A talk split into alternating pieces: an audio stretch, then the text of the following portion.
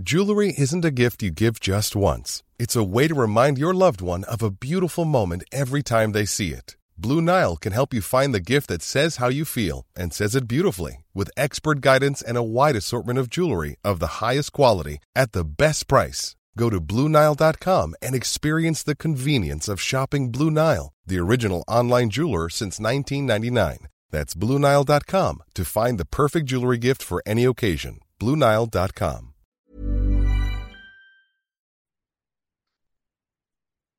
Halo pendengar ganteng-ganteng Manchester United Podcast, kembali lagi bersama kita berdua, ada Sawong dan Alvin di sini.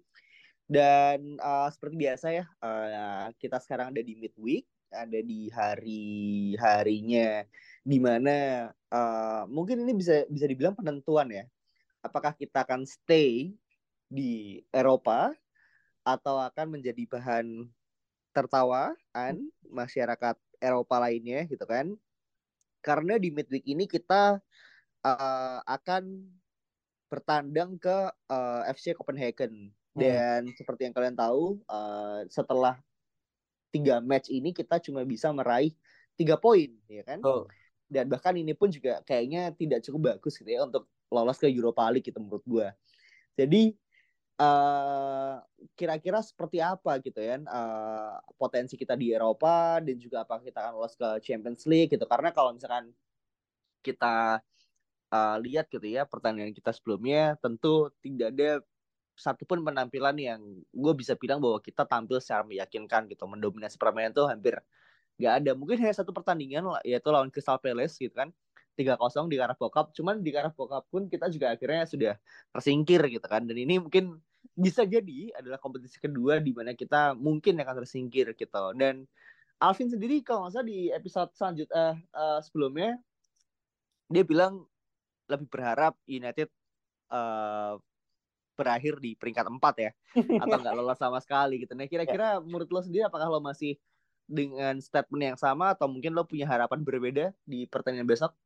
Iya, iya maksudnya adalah kalau misalnya ranking 4 itu kalau bandingannya adalah ranking 3 gitu loh. Ya masuk Europa League gitu. Tapi kalau misalnya pilihannya antara lolos atau ranking 4 ya lolos lah anjir gitu. gitu. Jadi maksud gua itu sih maksudnya kalau Europa League itu kan sifatnya kayak lu matchnya tambah banyak tapi useless gitu karena uh, tim kita ini kan memang lagi compang-camping kan dari sisi performa gitu. Jadi kayak yang dibanyakin itu harusnya bukan games tapi lebih ke training dan recovery menurut gua gitu loh, bukan games. Karena kalau ngejar games doang ya kita dengan permainan seperti ini belum bisa stabil buat apa gitu. Nanti ujung-ujungnya tersingkir juga kan gitu. Jadi menurut gua daripada fokus ke Europa League yang jadwal juga makin mundur karena mainnya di Jumat pagi, yeah. nanti mainnya kita jadi di Minggu atau Senin ribet gitu.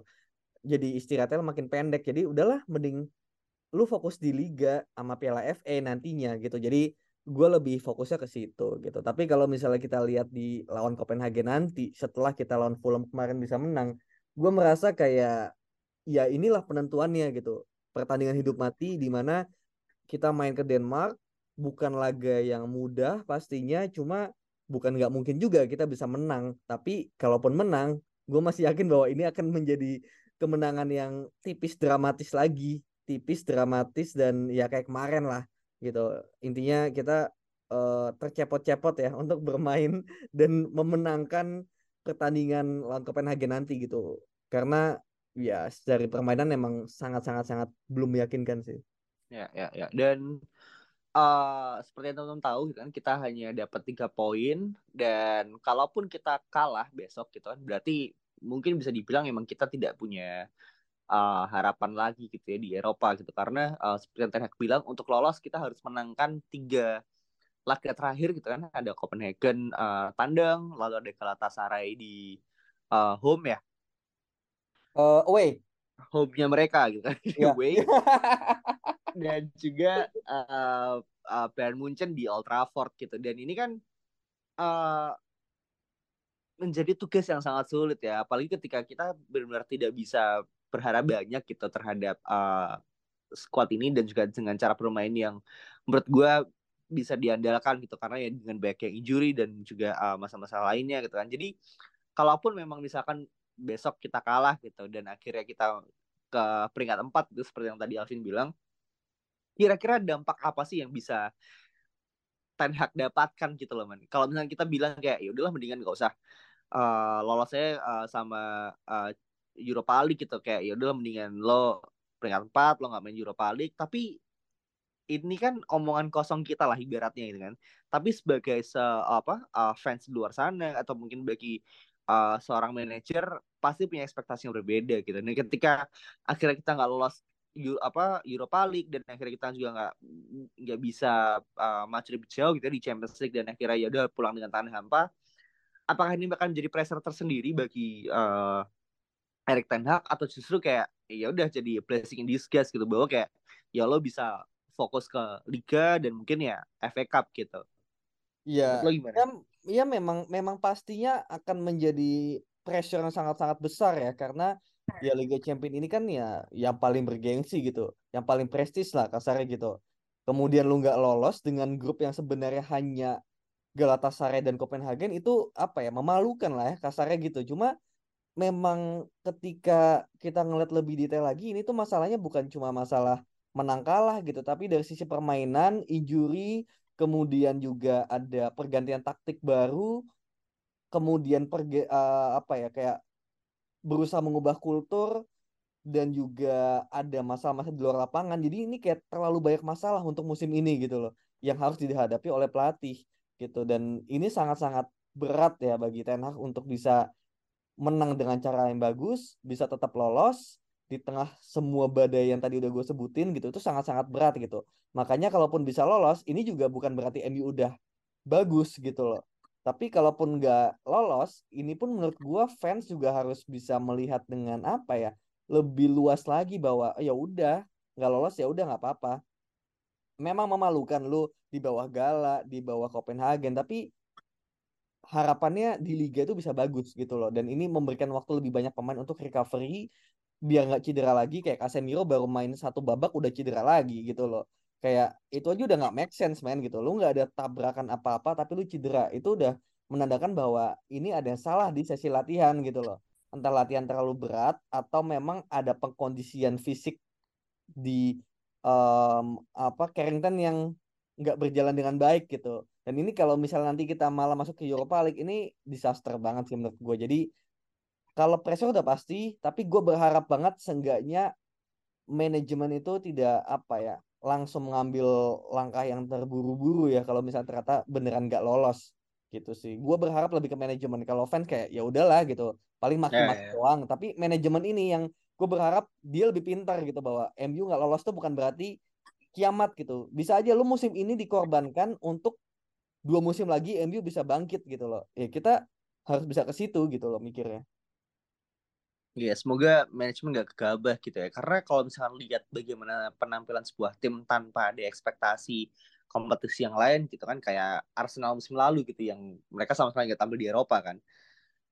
Uh, mereka bisa punya waktu dan juga punya uh, apa namanya cara dan juga recovery yang lebih baik gitu ya dari tim-tim yang lain dan akhirnya juga bisa uh, peringkat dua gitu. Tapi juga dengan uh, style of play yang meyakinkan gitu. Dan sampai sekarang mungkin mungkin mereka baru kelihatan kerambelnya ya karena udah mulai sibuk main di uh, apa namanya di Eropa dengan banyak kompetisi dan uh, kemarin pun juga akhirnya kalah dengan uh, Newcastle ya kalau salah gitu. Hmm. tapi kalau misalnya ngomong soal uh, uh, apa namanya jumlah match ya memang secara di musim lalu kita memainkan match terbanyak gitu ya.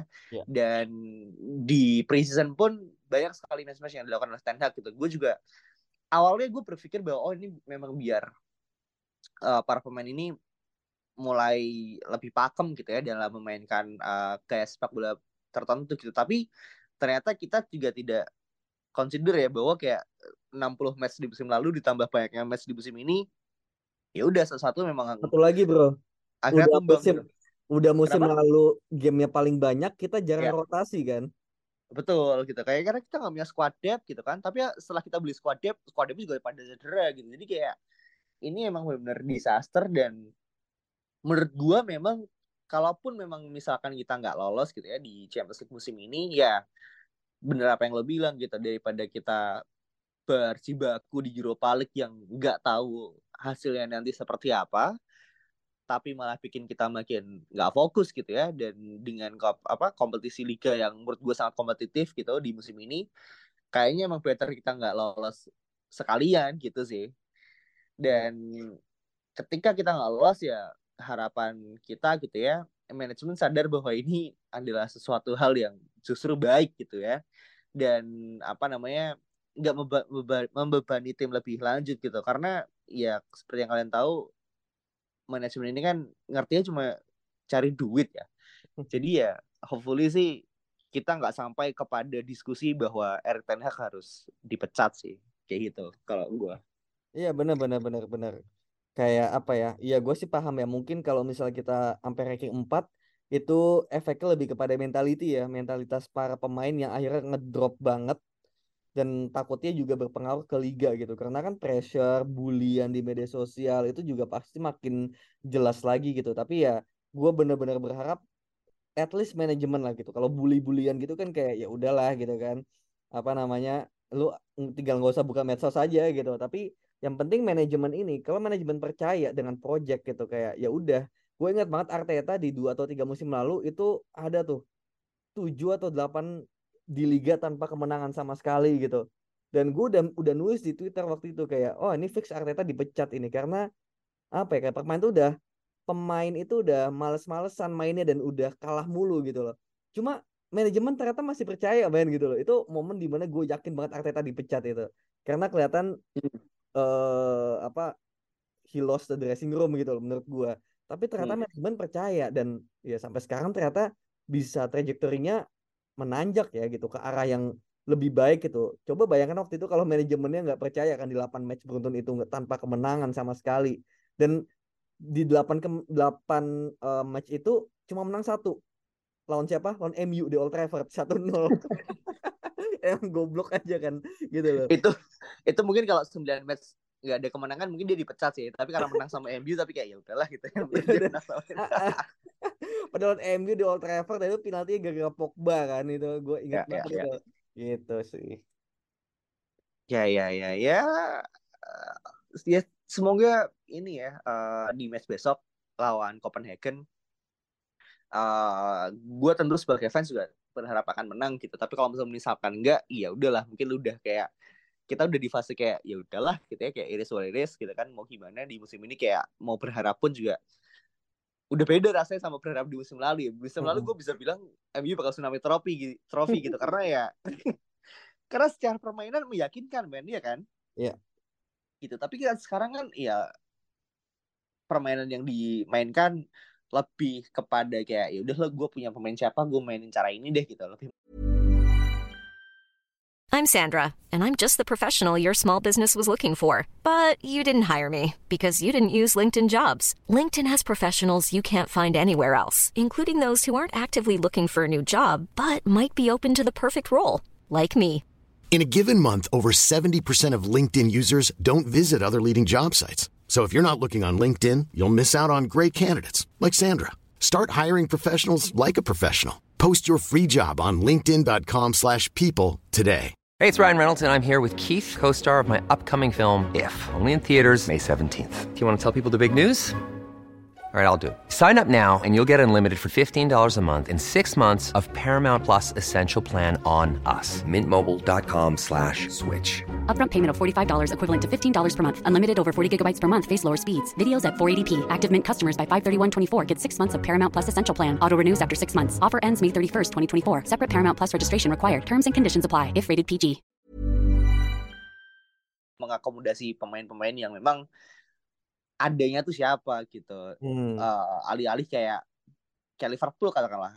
Mau gimana pun siapa pun yang main, pakem of style-nya tuh tetap sama gitu. Dan kita nggak bisa di level seperti itu sekarang gitu. Iya. Yeah. Dan ini kan yang lebih lebih worrying daripada kayak uh, lo tetap maksa main di Europa League gitu katakanlah tapi dengan style yang acak adul gitu. Dan uh, eh, gue nggak yakin manajemen kita akan sesabar manajemen Arsenal gitu kan dengan mempertahankan Erik Ten Hag gitu. Jadi memang Erik Ten Hag tetap harus perform gitu walaupun kayak uh, apa namanya kalah nantinya dan bisa fokus ke liga ya lo harus beneran fokus ke liga men. Lo nggak bisa kayak sembarangan lagi gitu.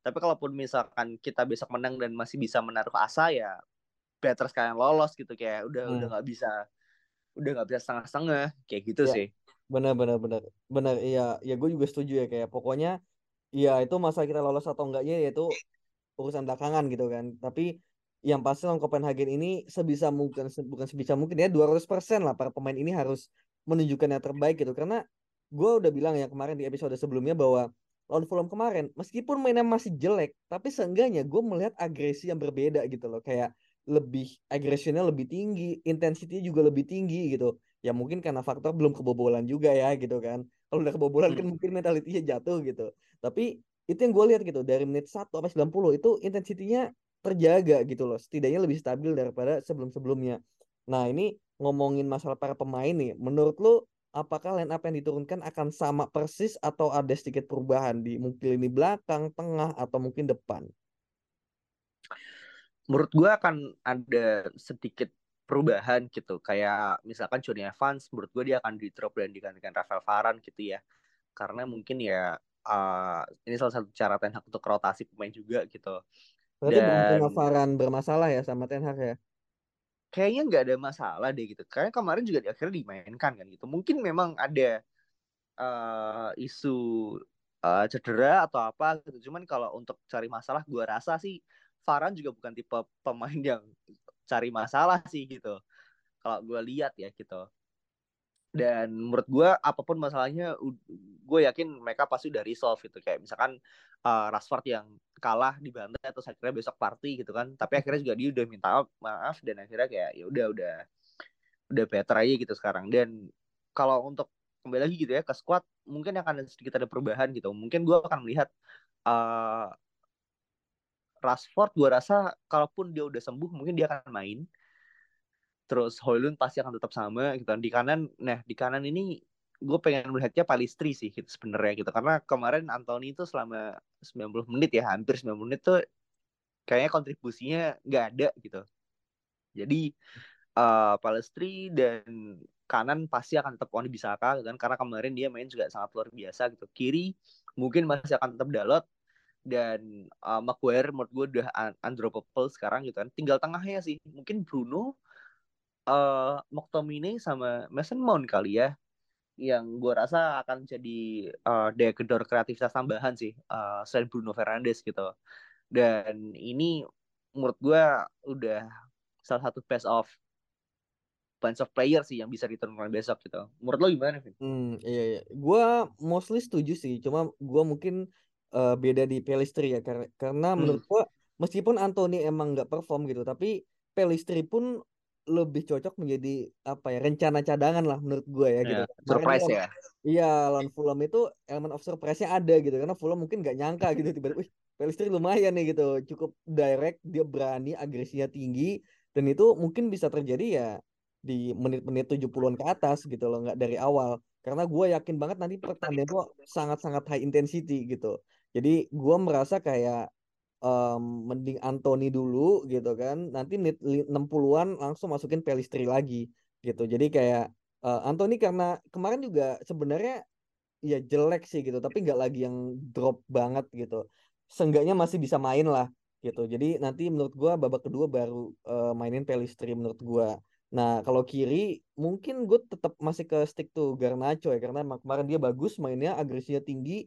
Kalaupun hilang bola dia mau ngejar gitu. Jadi gue prefer Garnacho dulu tapi Rashford jadi cadangan gitu. Kalau tengah nah ini antara Erikson atau Mason Mount gue nggak tahu gitu. Kayak Mason Mount itu masih apa ya masih kurang dictating gamenya gitu loh. Kalau Erikson tuh udah tahu gitu kayak dia harus ngapain. Dia drop pegang bola diumpan ke depan sirkulasi bola tuh udah tahu gitu loh. Cuma emang physicality-nya nggak kuat gitu aja. Tapi kalau Mason Mount kayak somehow dia bakal ke depan sejajar sama Bruno kemudian yeah. McTominay di belakang gitu. jadi kayak ini nggak ada yang dari belakang nih megang bolanya gitu. Gue nggak tahu apakah itu instruksi atau memang dianya belum terbiasa tapi gue masih pengennya ya ada dictating gitu. Karena kalau nggak ada kita nggak akan pernah bisa pegang bola. Itu sih kekhawatiran gue ya dan terakhir Vin. Kira-kira di pertandingan besok gitu ya menurut lo kita bakal prevail ya? Kita bakal menang gak ya?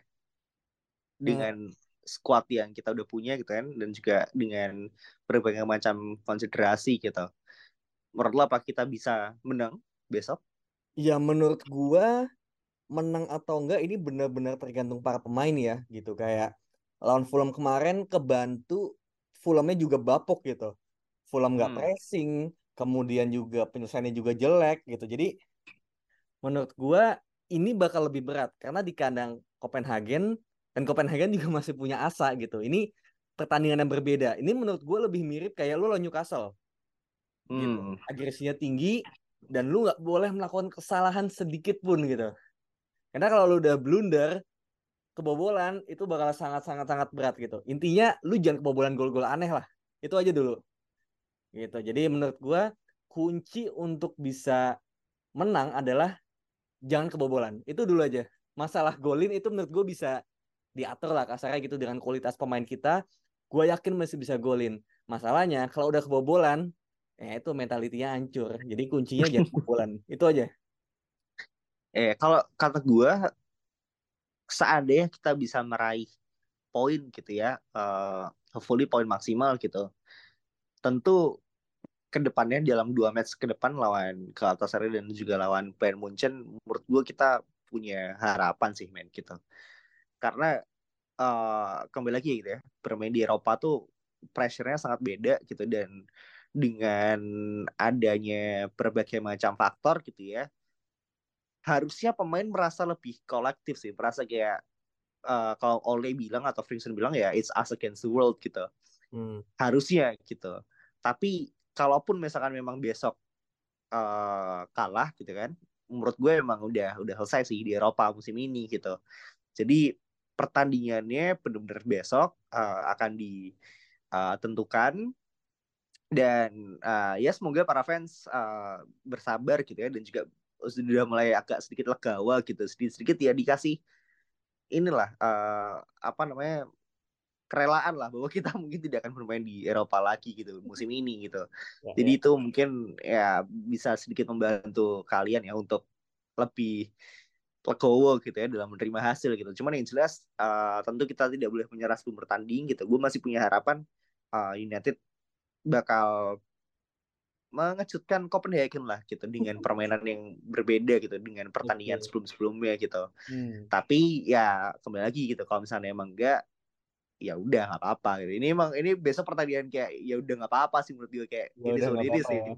Iya. Pasrah aja ya pokoknya ya.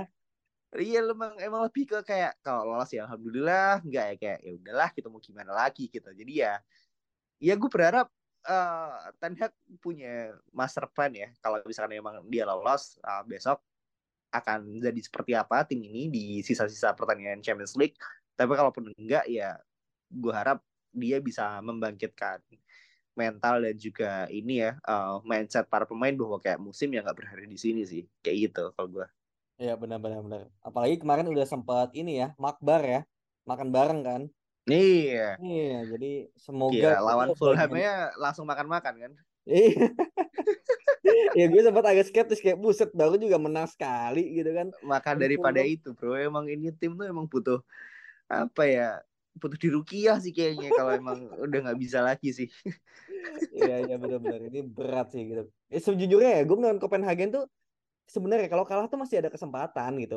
Asal lu menang lawan Gala dan menang lawan Munchen gitu. Cuma kan ya itu lebih susah Hmm. lagi gitu. Iya, iya. Itu aja sih concernnya karena Ma- lu udah nggak punya kesempatan menang lebih besar daripada sekarang.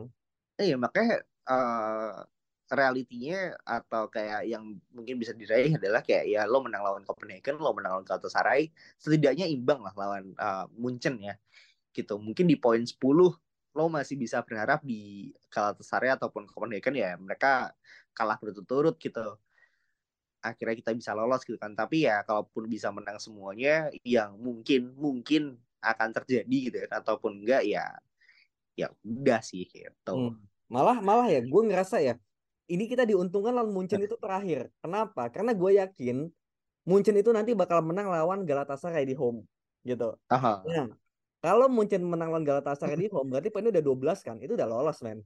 Itu udah lolos, ya kan? Jadi mereka nggak perlu gaspol lagi ya. Iya, nah nanti Heeh. lawan kelimanya dia lawan lawan Copenhagen ya kali lawan Copenhagen Munchen kalah kan pasti dihajar Ah. juga kan buat menang Aha. nah lawan MU terakhir kayak ya udahlah poin gue udah berapa udah 15 gitu Udah Jadi, 15, udah top of the group juga. Iya gue yakin pasti ada rotasi di situ gitu loh apalagi di bulan-bulan Desember kan gitu. Jadi Hmm.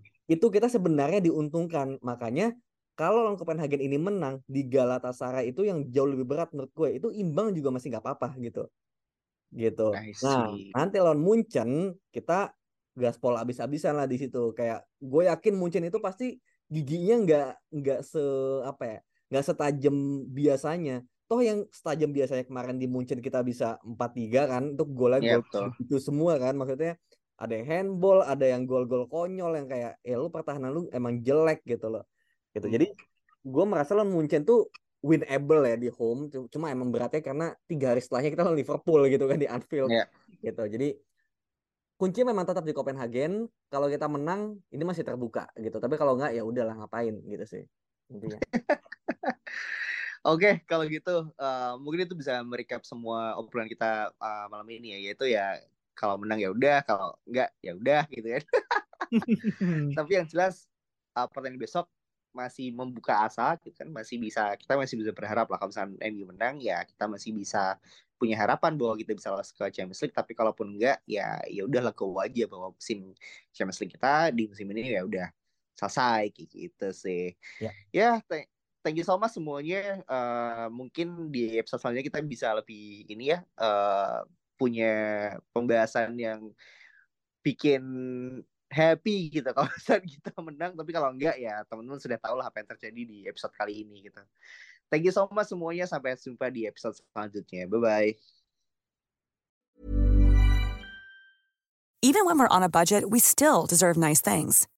Quince is a place to scoop up stunning high-end goods for 50 to 80% less than similar brands. They have buttery soft cashmere sweaters starting at $50, luxurious Italian leather bags, and so much more. Plus, Quince only works with factories that use safe, ethical, and responsible manufacturing. Get the high-end goods you'll love without the high price tag with Quince. Go to quince.com/style for free shipping and 365-day returns.